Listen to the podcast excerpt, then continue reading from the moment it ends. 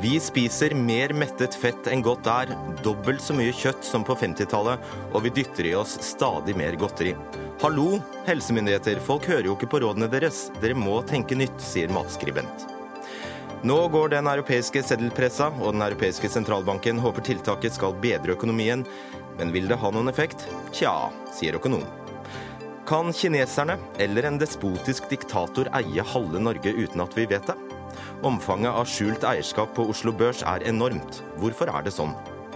Real Madrid er laget til fascistleder Franco, sier SV-er, som gir oss historien om fotballaget til Martin Ødegaard.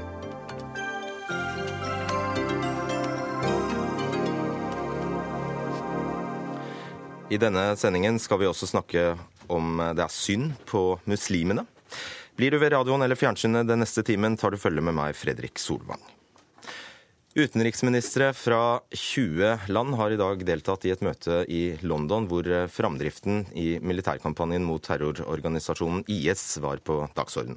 Storbritannia og USA ledet møtet, og Norges utenriksminister Børge Brende var også med.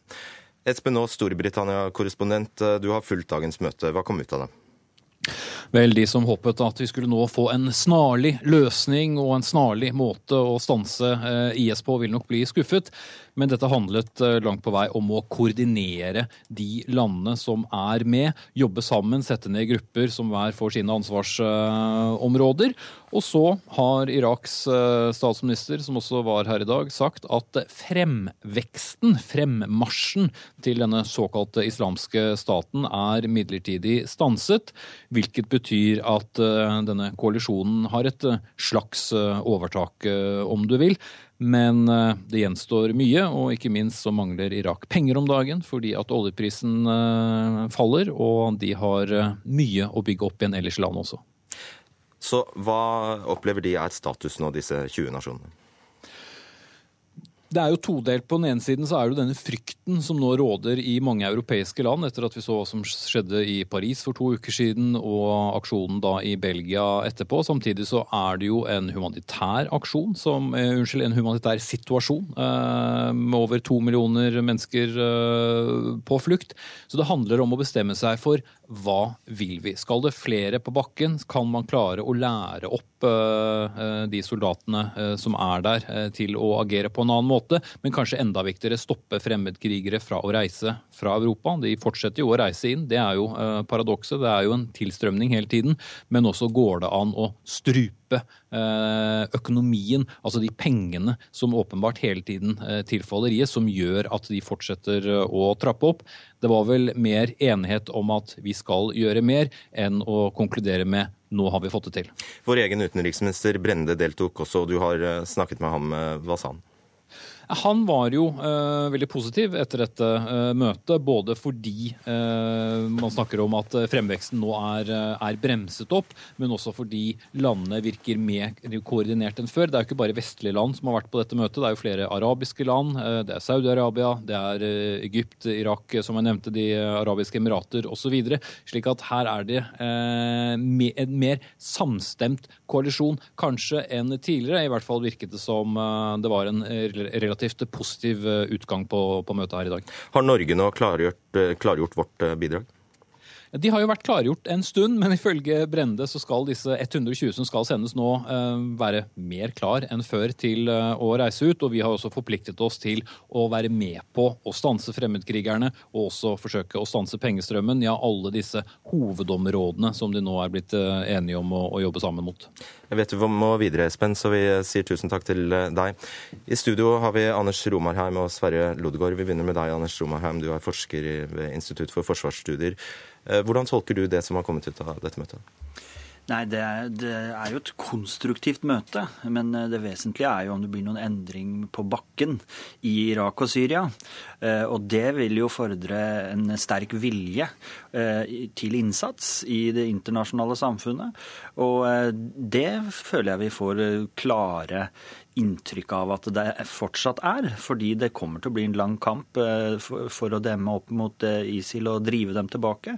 Så hvis ikke viljen til å stå distansen er der, så, så er jo utsiktene til å få noe suksess med denne kampanjen dårlig. Flere år, sa Obama i går. Ja, det, det, er nok et eh, riktig tidsperspektiv å ha. Eh, ettersom eh, den koalisjonen som er blitt danna, i liten grad ønsker å ta en bakkeinvasjon.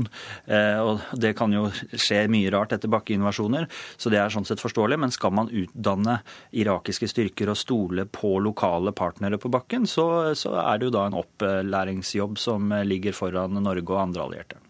Sverre Lodgaard, seniorforsker ved Norsk utenrikspolitisk institutt, eh, NUPI. Eh, hvor samkjørte er de egentlig, disse 60 nasjonene som nå skal bekjempe ISIL, eller IS? da? Det spriker i mange retninger når det er så mange. Eh, det er ingen enhetlig strategi. Men ideelle fordringer er jo sjelden vare i internasjonal politikk. Man er henvist til å handle ut fra de forutsetningene som, som eksisterer. Så her får man prøve å koordinere etter beste evne. Én ting binder dem sammen. Eh, de er alle bekymret eh, for eh, IS og hva som vil skje hvis og når fremmedkrigerne vender hjem. Men samtidig er jo denne alliansen så bred som De forente arabiske emirater og Japan. Altså, hva, hva, hva, hva er det som binder dem sammen, bortsett fra at de alle ønsker å bekjempe det? Altså, Har de virkemidlene? De kan bidra med forskjellige ting. Saudi-Arabia deltar jo i, i bombingen eh, i, i, Syria mot IS og Nosra-fronten der. Eh, Japan eh, kan jo bidra med penger, de kan bidra humanitært, altså med, med andre ting osv. Forskjellige bidrag fra forskjellige land, og så er da poenget å prøve å få dette koordinert på, på best mulig måte. Hvordan har det gått til nå? Ja, Man har klart å demme opp, men ikke reversere altfor mye. Men eh, man eh, viser jo til en del eh, territorier man har fått skyvet, skjøvet dem tilbake. Sånn at vannet har begynt å renne riktig vei i den forstand. Og grensebyen Kobani blir nok viktig der. Når det gjelder hva denne koalisjonen skal gjøre, så var de jo ganske eksplisitte på pressekonferansen i etterkant. Og nevnte også en ideologisk kamp, og at man må ha en kontranarrativ og sånn sett bekjempe ideen i ISIL, i tillegg da til eh, militærmakt og eh, nødhjelp eh, og ren bistand til å opprettholde den irakiske økonomien som er under press. Akkurat dette har jo Vesten forsøkt seg på tidligere, Lodgaard. Med Taliban-frist i minne, med Irak-frist i minne. Hvor, hva skulle tilsi at man lykkes denne gangen? Um, luftkampanjen har vært ganske framgangsrik. Stoppet frammarsjen, som vi hører. Eh, men også framgangsrik når det gjelder å redusere pengestrømmen til, til IS. Eh, fremst ved at uh, oljeanlegg er blitt bombet. Oljeanlegg som, som, IS har kontrollert en tid.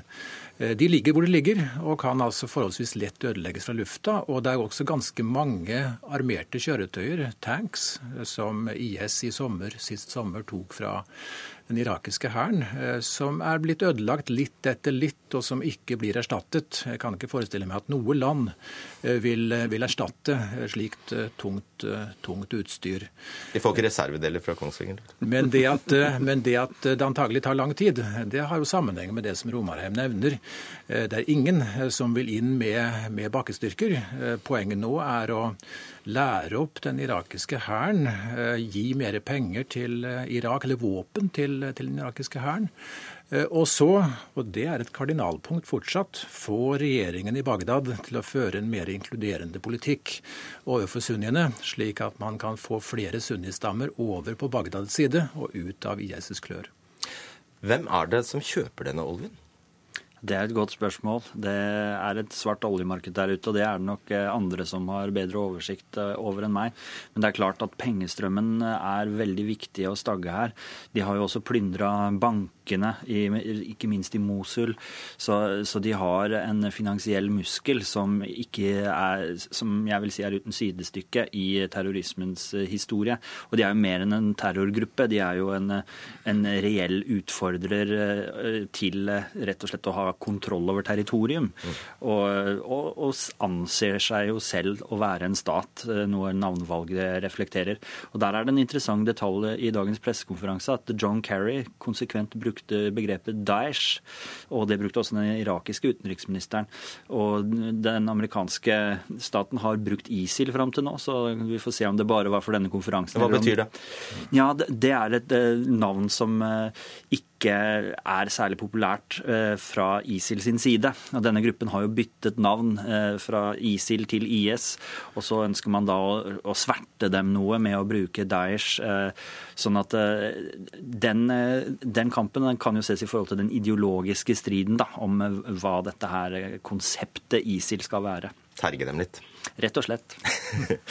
eh, Lodgaard, hva Altså, ikke vil man inn i Syria med bakstykker, og ikke vil man inn i Irak. Så hva gjør, eh, gjenstår bare luftangrep, da? Da gjenstår det å eh, lære opp den eh, irakiske hæren, for så vidt Irak angår, til å gå i spiss. Det er sjiamilitsene som er mest effektive. Og noen områder i det nordlige Irak er tatt tilbake fra IS, men dette har også en nedside. Eh, for hvis eh, sjiamilitsene eh, går i front, så kan det sementere alliansen mellom Iraks sunnier og, og, IS. Så dette må man være veldig, veldig oppmerksom på. Syria, der er det interessant å se at USA snur seg. Er primært opptatt av å bekjempe IS, og mindre opptatt etter hvert av å, av å fjerne Assad. Og Der etterlyser vi jo hele tiden eh, deltakelse, engasjement fra, eh, fra, Iran. Og det stopper jo opp så langt på forholdet mellom eh, USA og Iran, som stadig er betent. Men hvis atomforhandlingene med Iran går i mål i inneværende år, så vil det åpnes en del dører for bedre samarbeid både i Syria og i Irak. Uff, dette er komplisert. Eh, til slutt, Romarheim. Den norske kontingenten, hva er det, kan du minne oss om, hva er det de skal? De skal eh, lære opp eh, irakiske styrker. Eh, det er en god del som er uklart rundt denne kontingenten. I hvert fall for meg. Det kan hende bedre informerte har dette på plass. Men tyskerne skal fasilitere basen i Erbil, og det tror jeg ikke er på plass. Og det norske forsvaret, så vidt jeg vet, har ikke bestemt hvem de 60 der oppe skal være. Men de 60 andre, det er Forsvarets spesialkommando, som jo har en veldig bra track record record eh, fra eh, Kabul med å lede det såkalte crewet der nede, og lære opp dem å gå sammen med dem i operasjoner. Så den opplæringsbiten har de veldig god erfaring på. Og så vet vi bare helt på tampen her, vi vet at kanadiske eh, styrker uforvarende havnet i, i kamper for litt siden. Det kan ikke utelukkes at norske soldater også havner i kamp. Man skal være forsiktig med å utelukke noe som helst, men eh, dette canadiske engasjementet er altså unntaket, det spede unntaket som bekrefter regelen om at eh, ingen utenlandske bakkestyrker eh, settes inn i Irak. Da sier jeg tusen takk til dere, Anders Romaheim og Sverre Loddgaard. Dagsnytt 18 alle hverdager klokka 18.00 på NRK P2 og NRK2.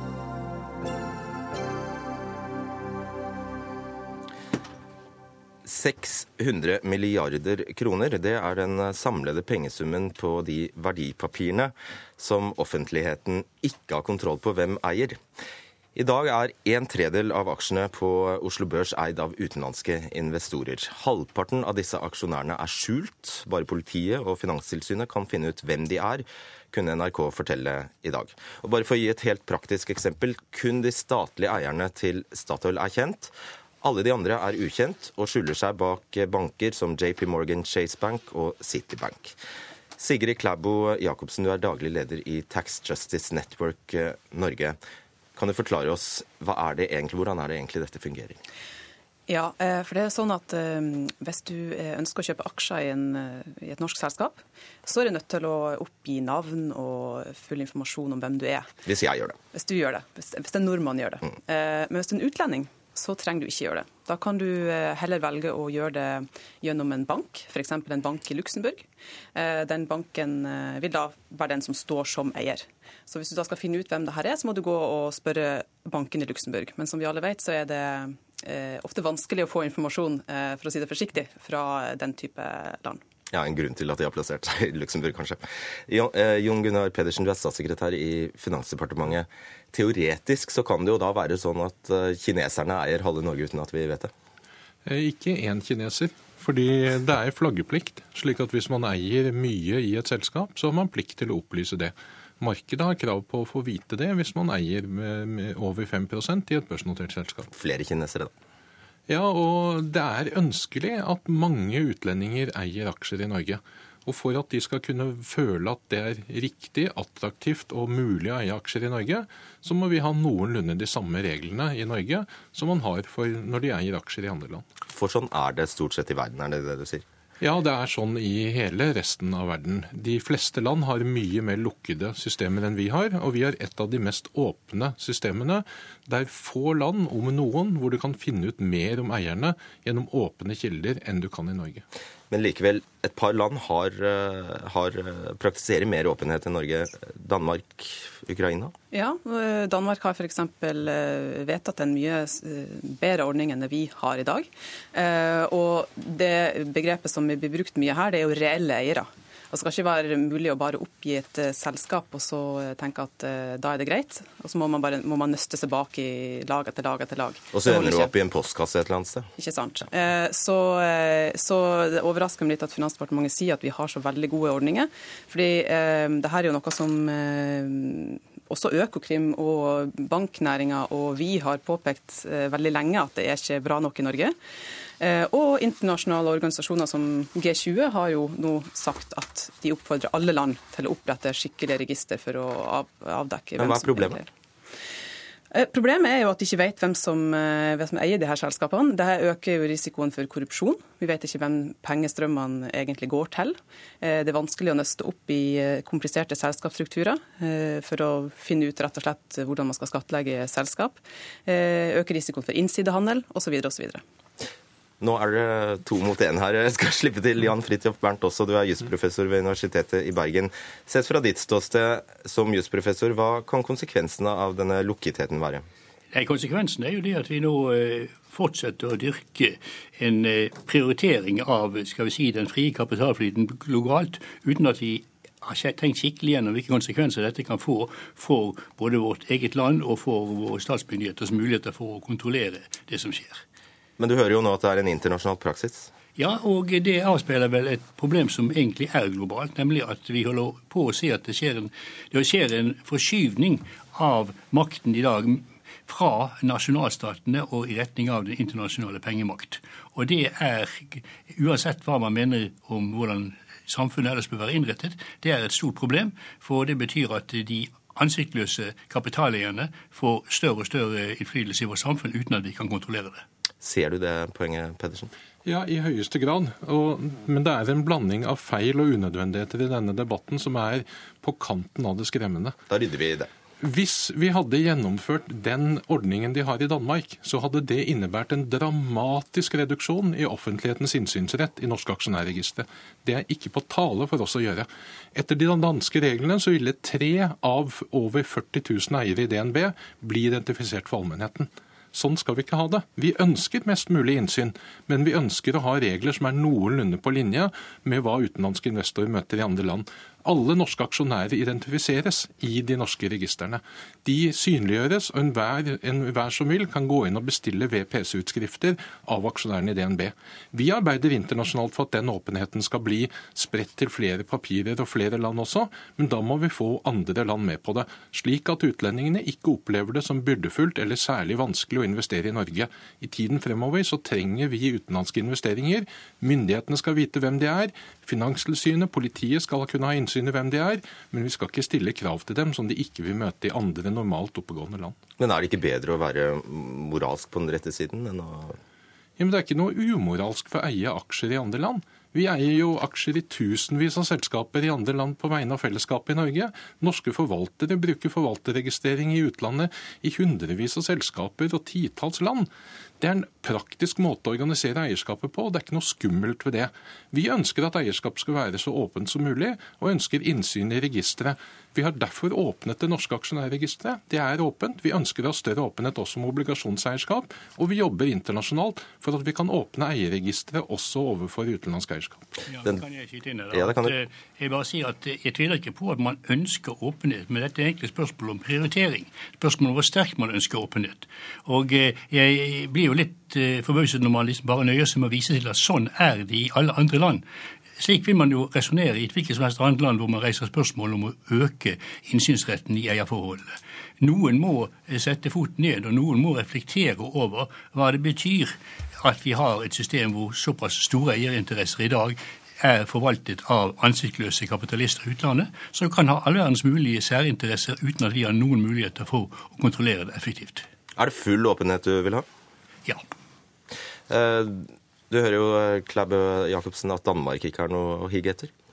Ja, Det kan nok eh, diskuteres om hvordan man tolker det Danmark har, har vedtatt. Jeg bare biter meg merke i at, at Pedersen snakker her om at det, ikke er, at det vil ikke være praktisk mulig da, eller vanskelig for utlendinger å investere i Norge. Men en offentlig utredning i 2005 allerede, da sist gang forvalterkontoordninga var oppe til debatt, eh, slår jo fast at det er ikke noen praktiske grunner til at det her skal bestå. Eh, for i dag så foregår jo alle aksjehandel eh, digitalt. Eh, grunnen til at denne forvalterordninga ble opprettet i utgangspunktet, var jo for å gjøre det enklere. Fordi at aksjehandelen ikke foregikk digitalt, man trengte litt tilstedeværelse i markedet osv. Jeg vil også si at det er jo ikke bare vi som driver og, og snakke om det her. Eh, ja, Økokrim og politiet har teoretisk innsyn, men også de sier at de må bruke store ressurser på å få tak i denne informasjonen pga. den forvalterordninga. Finans eh, Norge og finansnæringa har jo også påpekt at Norge bør ha skikkelig register. Og før jul så kom det en eh, kritikk mot Norge på akkurat dette punktet fra en internasjonal organisasjon som heter Financial Action Task Force. Og da var det akkurat de her tingene som, som de kritiserte. Eh, nei, det var egentlig ikke det. Det de poengterte, det var at nå går EU i riktig vei, og de gjennomfører et direktiv som gir noenlunde de samme reglene som Norge allerede har innført.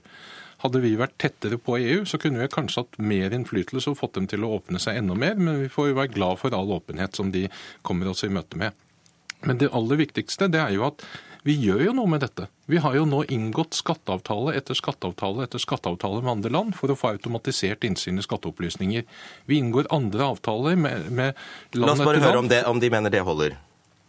Ja, det er klart at Her gjøres det mye bra. og som jeg før har sagt, Jeg tviler ikke på at man prøver så godt man kan, men det er bare det at man er ikke villig til å betale prisen for å ta dette opp på mer prinsipielt grunnlag.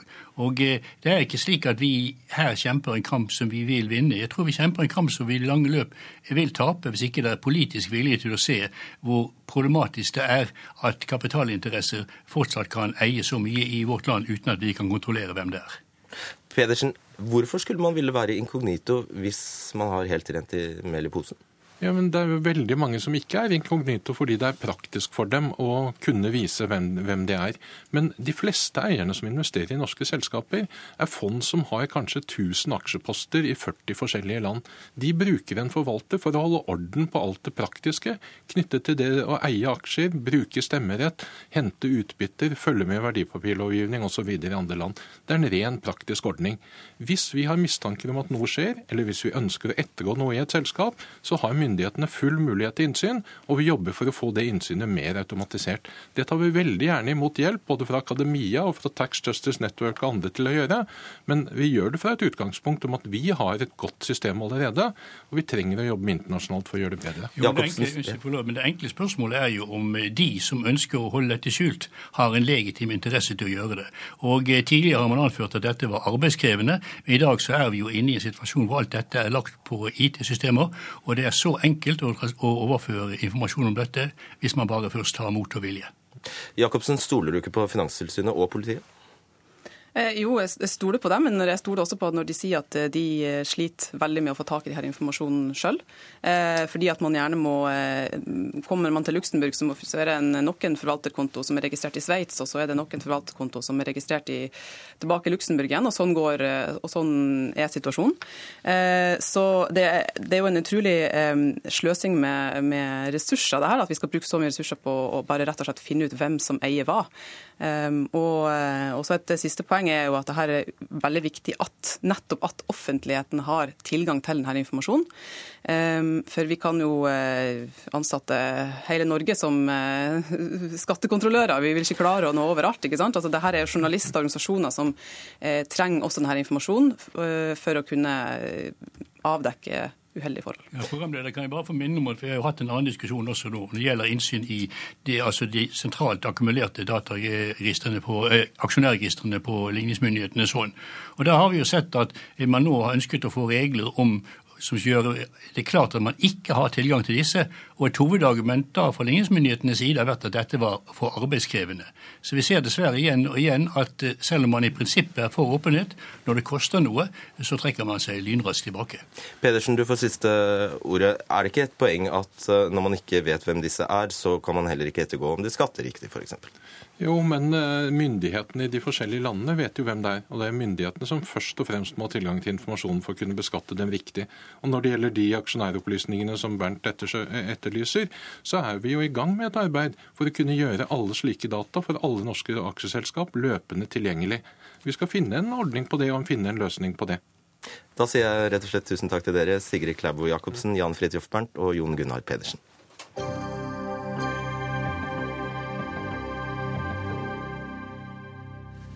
Vi spiser mer ost, margarin, frukt og bær enn før. Det viser en rapport om norsk kosthold som Helsedirektoratet la fram i dag.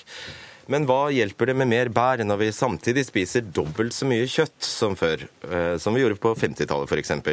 Og vi spiser mer mettet fett enn godt er, og hiver innpå med godteri.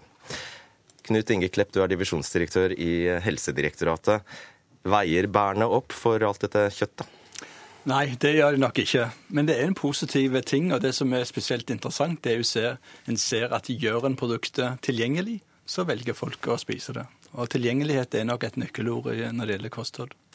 Hva er hovedbudskapet deres i dag?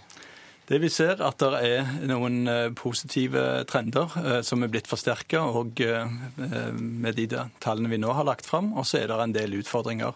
Det positive er at vi får lange trendene viser mer frukt, mer grønnsaker. Eh, det negative er at vi spiser veldig mye mer eh, ost og fortsatt spiser mer eh, kjøtt. og Det gjør at vi får mye metta fett i oss. Og så ville vi gjerne ha økt fiskeforbruket, og det ligger relativt flatt, selv om det har vært en liten økning i det siste. Jeg mener du har hørt det før? Ja, eh, vi gir ut denne rapporten eh, hvert år. og eh, Det er ikke store endringer for hvert år, men vi ser at det er noen de lange trendene som blir bekreftet eller som blir brutt. Og så er dere ute nesten hvert år og sier vi, vi må spise mer fisk, vi må spise mer frukt og grønt. Og så skjer det ikke. For mange skjer det.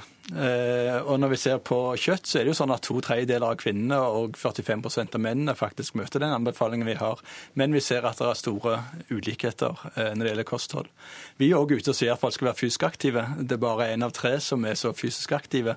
Så det er klart at det som blir sagt, eh, anbefalingen er viktig, men det er veldig mange andre ting som påvirker folks helsevalg. Og Yngve Ekern, du er journalist og matskribent i Aftenposten. Ja, dette har de sagt i så mange år, og folk lytter eh, åpenbart ikke til dem, så de må finne på noe nytt, sier du. Det er en interessant rapport, og spørsmålet er hvilken effekt den har.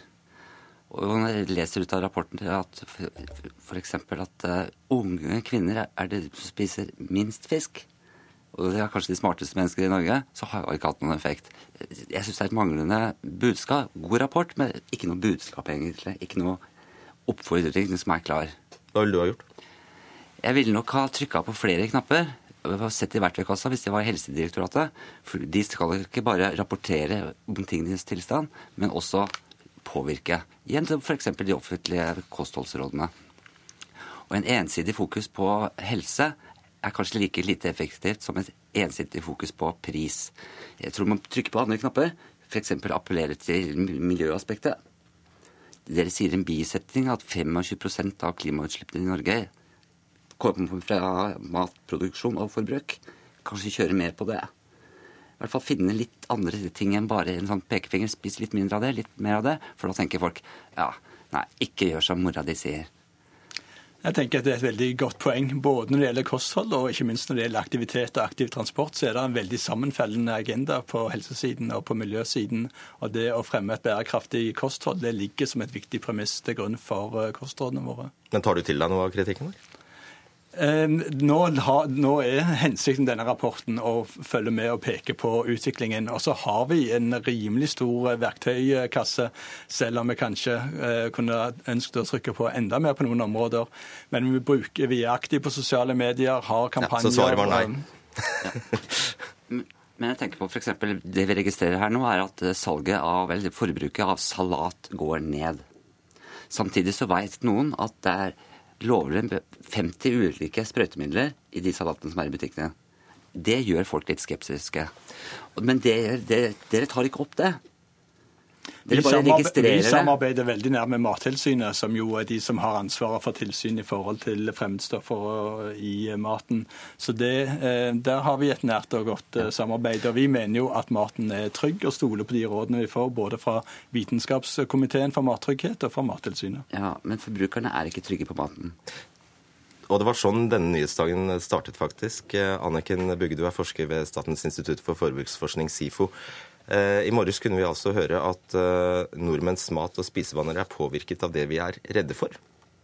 Ja, altså De siste fire årene så har jeg jobbet med et prosjekt hvor vi nettopp skulle se på begrensninger for å gjøre helseriktige valg. Og Vi valgte særskilt å fokusere på fisk og grønnsaker, nettopp fordi det er noe helsemyndighetene ønsker vi skal spise mer av. Og i 2010, da vi startet prosjektet, så spiste vi for lite av dette. Og det er bare å konstatere at det gjør vi fremdeles så har vi sett på hva er det som gjør da at folk ikke øker inntaket. Og det er litt forskjellige begrunnelser. Når det gjelder fisk, så er det faktisk at folk svarer at de foretrekker kjøtt. Det er en økende andel som uttrykker preferanse for særlig rødt kjøtt og hvitt kjøtt. Og vi ser også økende, et økende forbruk av det. I tillegg så har det vært en veldig økende skepsis til dette med oppdrettsfisk. Og når det gjelder grønnsaker, så ser vi også at det har vært en veldig økning i andelen som sier at de er skeptiske til produksjonsmetoder, det være seg rester av plantevernmidler eller bruk av kunstgjødsel. Og det er også en stor andel som mener at f.eks. økologiske grønnsaker er sunnere enn konvensjonelle. Og det er også en relativt stor andel som sier at de unngår Likevel går jo ikke salget av det opp. Så... Nei, men også en andel som sier at de ønsker å begrense inntaket av importerte grønnsaker. Så vi tror det er viktige faktorer som gjør at folk ikke øker forbruket. Mm, og dette er en spørreundersøkelse? Ja, Det er både altså dybdeintervjuer og surveyer og eh, statistikker vi baserer denne undersøkelsen på. Men når det gjelder disse begrensningene, så er det surveyundersøkelser. Det som slo meg, var kan det være at folk ljuger? Kan det være at de påstår de er veldig bekymret for sprøytemidler, og så går de ned og kjøper seg en Grandiosa? Ja, men de, altså de, Det er kun et lite mindretall som svarer at de spiser så mye grønnsaker og fisk som myndighetene anbefaler. Så der lyver de i hvert fall ikke på Nei, men, seg mer. Om årsakene til ja, at de jeg vet det. Ja. Men da lyver de i hvert fall ikke på seg at de spiser mer. Eh, men eh, nei, jeg tror at eh, når vi ser generelt på trender, så er forbrukerne i veldig økende grad opptatt av rene, naturlige, ferske, friske råvarer. Og de er bekymret for produksjonsmetoder og moderne matproduksjon på mange måter. Mm. Klepp, hvem er vi i denne sammenhengen, og hvor forskjellige er vi? Uh, ja, altså Det som vi har lagt fram, uh, helsemyndighetene har lagt fram nå, det er jo gjennomsnittstall for den norske befolkningen. Og det vi vet er at det er store forskjeller mellom ulike grupper. Uh, kvinner har stort sett et bedre kosthold enn menn. Eldre bedre enn de yngre. Og så er det utdannings- og inntektsforskjeller. Hvor mye utgjør det?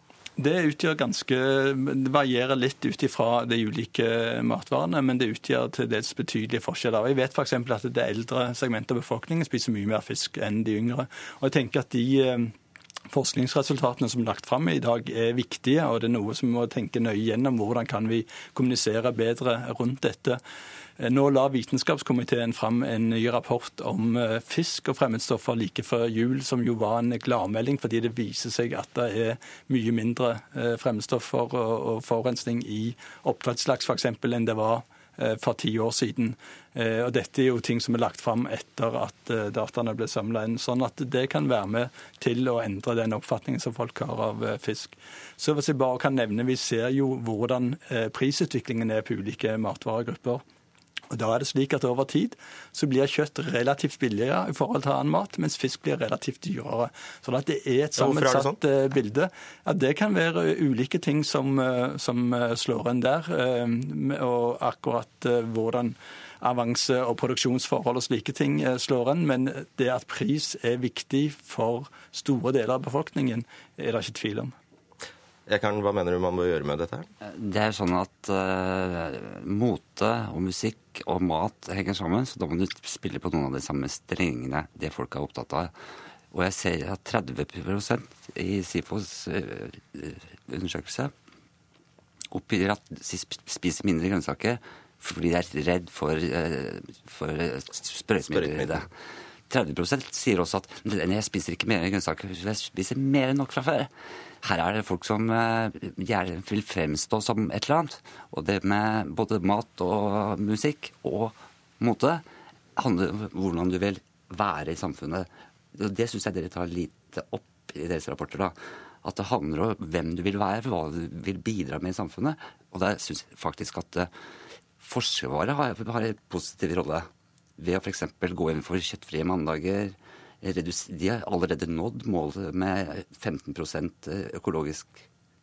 Så dere mener vi skal nå innen 2020? De har gjort det for lenge siden. De er effektive. Og jeg savner litt sånn mer tvang hos dere. Og at det er greit å rapportere, men vi må også ha alternativene. Og da vet jeg ikke om bare den litt slappe pekefingeren fører noe sted. Altså. Ja, pekefingeren holder vi oss langt unna, eh, men vi har helt sikkert mye å lære. Både fra Forsvaret, journalister og forskerne på dette området. Bugge, mener du at uh, helsemyndighetene har et slags kommunikasjonsproblem? Det er nok litt overraskende andel som sier at de har eh, altså Det er få som sier at de har meget stor tiltro til helsemyndighetenes kostråd. Eh, og vi ser jo også at veldig mange av disse alternative diettene, som nettopp forfekter noe av det helsemyndighetene ikke ønsker, de har hatt relativt stor appell i befolkningen. Lavkarbo, for eksempel. For eksempel, som eh, anbefaler folk å øke inntaket av fett og kjøtt og redusere inntaket av karbohydrater. Og vi ser jo både på salgstall og selvrapporterte undersøkelser at det har hatt en relativt stor effekt på forbrukernes både preferanser og praksiser. Eh, hvis folk skjønner at de bør spise noe annet enn de gjør, hva er det da som Og hvis du ser bort fra at at de er engstelige. Da. Eh, hva er det da som gjør at de velger feil? Er det pris? Det er ikke mangel på kunnskap. Altså Fisk og grønnsaker topper listen av hva forbrukerne mener er sunt. Men jeg tror igjen på denne skepsisen. Altså De bombarderes med veldig mye ulike eh, teorier om hva som er sunt og usunt. Og så kommer det veldig mange oppslag om ting som er farlig, og det skremmer forbrukerne. Jeg kan på slutten her, kan ikke du forklare hva som skjedde med denne nøkkelhullsordningen? Eh, den ble oppretta i 2009, en samarbeid mellom nordiske regjeringer som skulle geleide folk fra hyllene litt sunnere varer.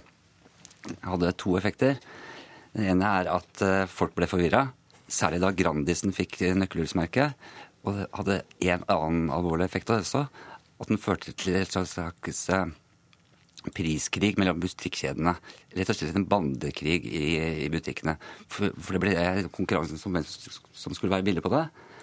Og, da trakk den ene kjeden seg. Noen kjeder og sier at da bør ikke vi være med på det. Med et mislykka prosjekt spør du meg den nøkkelen er kasta, håper jeg. Er den det? Nei, det er han ikke. Tvert imot. Vi mener at dette er et eksempel på hvor det har vært et godt samarbeid mellom myndighetene og eh, næringene, og eh, hvor en nå akkurat har reforhandla kriteriene for at en skal få lov til å sette nøkkelhull på matvarene. Det er mindre salt, mindre tilsatt sukker, enda bedre fettprofil. Eh, slik at det blir, det blir relansert igjennom de strenge kriteriene til våren. Å leve i beste velgående. Dere får gå hjem og spise en ernæringsriktig middag. Tusen takk skal dere ha, Knut Inger Klepp, Yngve Ekern og Anniken Bugge.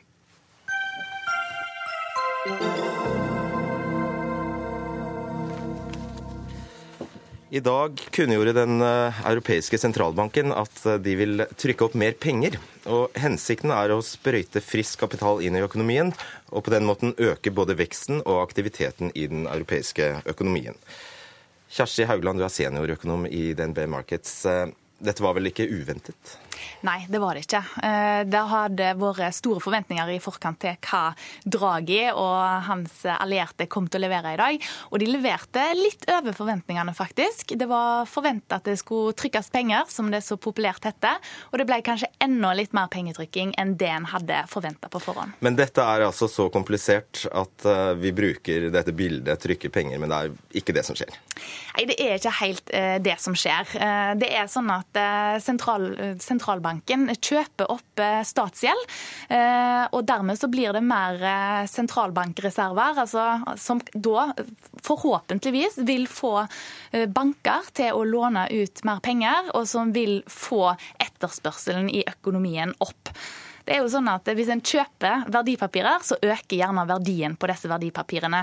Og sånn, ved å blåse opp verdiene hos både bedrifter og banker, så kan en håpe det at det tyter ut i økt investeringslyst osv. Og, og dette er statsgjelda til kriserammede land? Det er statsgjelda til alle landene i eurosonen. Okay. Alle som er medlemmer av Den europeiske sentralbanken. Aller mest av den gjelda som skal kjøpes opp, den er faktisk tysk. For det at eh, Hvis en kun hadde kjøpt eh, kriseramma land sin statsgjeld, så ville det ha blitt oppfatta som krisehjelp til eh, disse landene. Og det er ikke det som er hensikten med det tiltaket som ble satt i gang i dag. Eh, hensikten er rett og slett det å få i gang etterspørselen i hele eurosonen sin økonomi. Og ei heller gjeldslette. Ei heller gjeldslette. Det er ikke noe endring fra nå til eh, om tre måneders tid i hvor masse gjeld de forskjellige landene har. Det er bare sånn at eh, Den europeiske sentralbanken kommer til å eie gjelda i en, en, større del av gjelda enn det som var tilfellet for litt siden. Hvordan skaper det mer penger?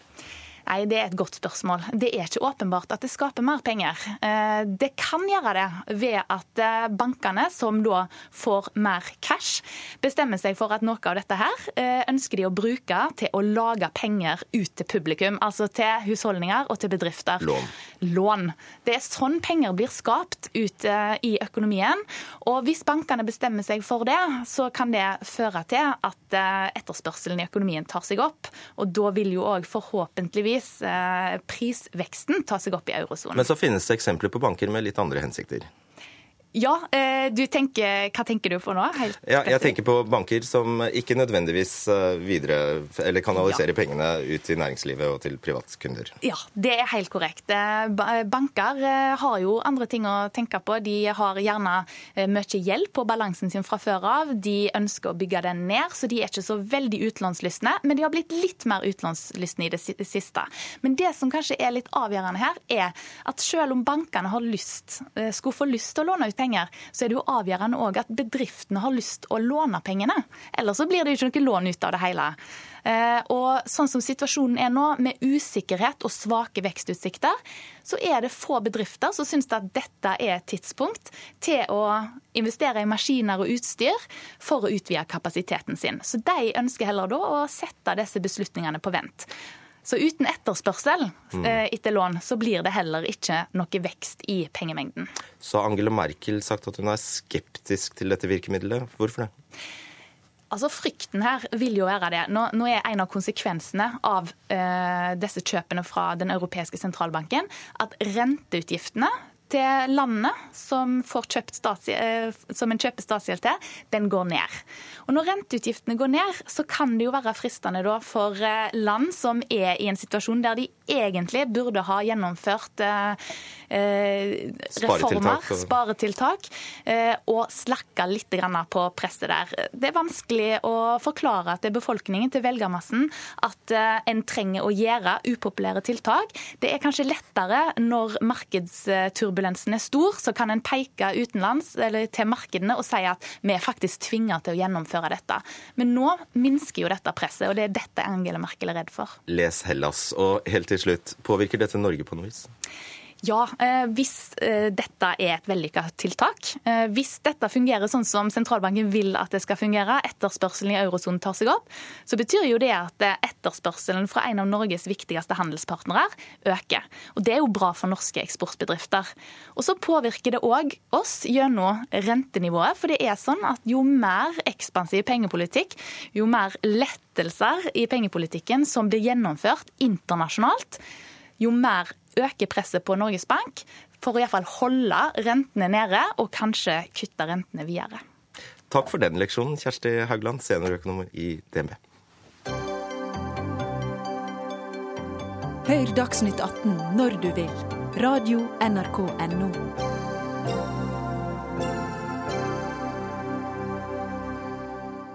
Ja, I dag ble drammenseren Martin Ødegaard presentert som spiller for Real Madrid. Stjerneskuddet går fra Strømsgodset til Real Madrid for 35 millioner kroner. Ødegaard knyttes i første omgang til Real Madrids reservelag. Og Dette er et uh, fotballag med en lang og spesiell historie. Mina Finstad Berg, du er fotballblogger og politisk rådgiver for SV. Hva slags lag er Real Madrid? Først og fremst så er jo Real Madrid et av verdens største fotballag. Eh, mest berømte og mest suksessfulle lag. Eh, de har vunnet Champions League ti ganger. Eh, de er en enorm merkevare i fotballverden. Og er rett og slett et av de beste lagene i verden og Europa. Og det er en, et lag med en lang historie og en veldig spennende historie bak seg. Et av elementene der er at Franco var lidenskapelig Real Madrid-supporter. Så Franco brukte Real Madrid eh, i sin propaganda under den spanske borgerkrigen. Og det er jo noe av grunnen til at eh, fiendskapet mellom Barcelona i Catalonia og Real Madrid fortsatt er så sterk, er jo også den gamle underliggende historien mellom da liksom Real Madrid eh, og, og sentralmakta og Catalonia eh, i nord. Så har vi med oss uh, Tor Geir Kvinnen. Uh, som vi hører, så var altså uh, Real Madrid favoritten til Franco. I dag er det blitt en pengemaskin. Hvordan har de greid det? Du er høyskolelektor ved BI.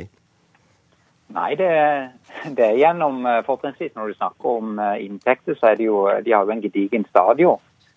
Santiago Bernabeu med 80 000 tilskuere. Og TV-rettigheter hvor de har store inntekter. Sponsorer. og en rekke produkter som de selger. Så de har jo en omsetning på, på ca. 5 milliarder kroner i året. og Forbes har anslått verdien til ca. 25 milliarder kroner, så det er jo en gedigen klubb vi snakker om. Så de blakker seg ikke akkurat med kjøpet av ja. Ødegaard?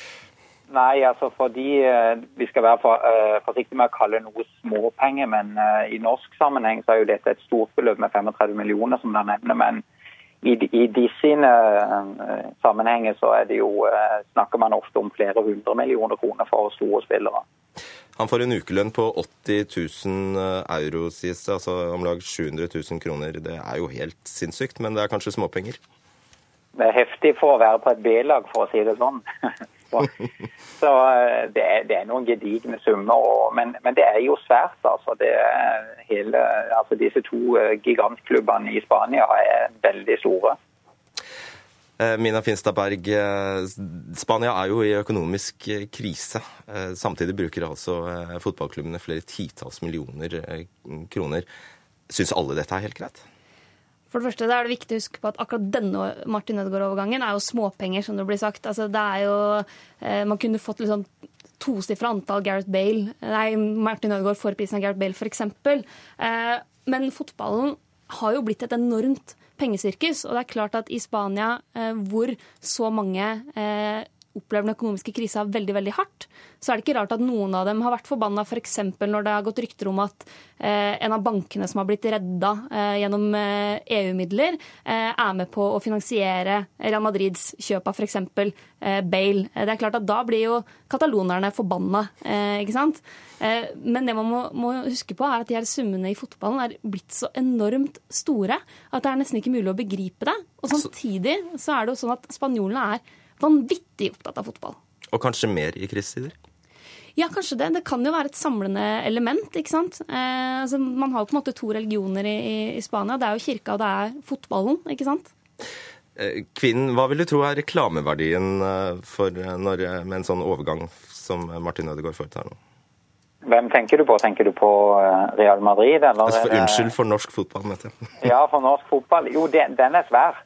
Altså det, i, når vi igjen snakker om Real Madrid, så er, jo, er det stor usikkerhet hvor, hvordan det går med Martin Ødegaard. Men det er klart at her skjer det veldig mye i forhold til norsk fotball. Det er, det er stor oppmerksomhet rundt Martin Ødegaard. og dette bidrar jo også til at man ser at uh, unge spillere kan lykkes. Og det har vært uh, veldig liten eksport av norske fotballspillere de senere år. Så sånn sett så kan jo òg håpe at dette kan gi en boost til norsk fotball som gjør at uh, flere blir interessert og at flere igjen kommer tilbake på, eh, på norske fotballkamper. For der, har, eh, der, går det andre veien enn det vi snakker om her. Dette er jo virkelig positivt, mens eh, tilskuerkapasiteten, eller tilskuerbiten i Norge, har gått andre veien. Men på den andre sida kan du si at det er snakk om, når du nevner da Spania, at det går dårlig. Men i dårlige tider så søker folk faktisk opplevelser og sirkus, som det ble nevnt. altså det er fremdeles interessant å gå på fotballkamper, selv eh, selv om det er dårlige tider i kriseramma Spania. Eh, Berg, er det sånn da at eh, Real Madrid er fiffens lag, altså er Barcelona arbeiderklassens lag? Det blir en veldig sterk forenkling. Det er jo mer en sånn regionalisert greie.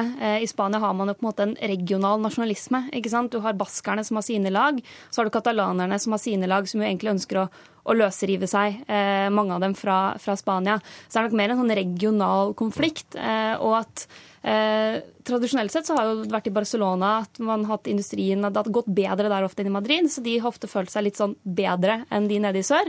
Eh, og så har du selvfølgelig den spanske borgerkrigen som ligger under og ulmer, som også må med i bildet. Helt til slutt, hvordan vil du omtale, Han er blitt omtalt som en ballettdanser blant eh, elefanter. Martin Ødegaard. Hvordan vil du beskrive han?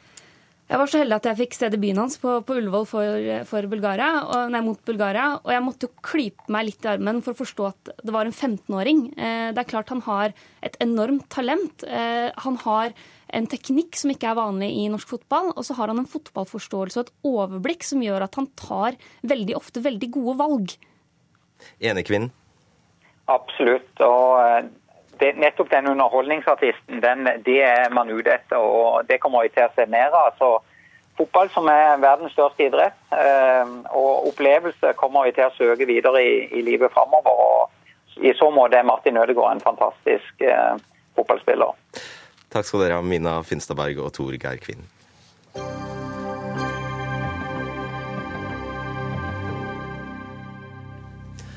Med vår blotte eksistens er vi trusselen mot det norske samfunnet som må utryddes. Vi vet hvordan det er å planlegge hverdagen, tilpasse livsvalget og bedrive selvsensur i frykten for dem som hater oss. Å leve med en konstant frykt for livet er terrorisme. Ja, slik beskriver du, eh, samfunnsdebattant og skribent Butchra Isak, hvordan det er å være muslim i Norge. Mener du dette på alvor? Altså, De setningene du leser opp, det var i siste delen av teksten. Siste avsnitt. Eh, ja, Og det var i kontekstualisert eh, etter innlegg fra forfatter eh, Birger Emanuelsen, hvor han i kjølvann av terroren i Paris skrev at eh, han av frykt for terrorister valgte å, eller kommer til å velge å unnlate å skrive en scene. Eh, og han beskriver en frykt eh, for livet sitt, for familien sin, eh, fordi han tenker på visse ytringer. Eh, og mitt anliggende her, og hensikten, var å uttrykke en forståelse for den frykten han opplever, eh, og hvordan ytringsfriheten settes i press. Mitt anliggende var å uttrykke at muslimer har mer til felles med forfatter Emanuelsen enn de terroristene i Paris, og at de fleste muslimene slutter seg til demokratiske verdier. Og når terroristene i Paris truer eh, ikke-muslimer, så truer de også eh, muslimer flest. Og, og det, er, det, det, var den konteksten jeg uttalte meg i den eh, linjen. Sylo Taraku, du er generalsekretær i organisasjonen LIM, som står for likestilling, integrering og mangfold. Du syns uh, Bushra Ishak her tar uh, litt for kraftig? I hvert fall i avslutningen av kronikken. Eh, ellers er kronikken eh, utmerket. Eh, for der antyder hun at muslimer har en god grunn til å føle en eksistensiell frykt, og at noen er ute etter å utrydde dem, og at muslimer lever med frykt for å bli drept. Og det kom jo som, som et svar til forfatteren. Men da det forfatteren beskriver, er en frykt for å skrive satire. Han vil ikke skrive om muslimer? Ja, f.eks. Ja. Eh, og det er eh, en type selvsensur som, eh, som, er et reelt problem, og som vi bør ta på alvor.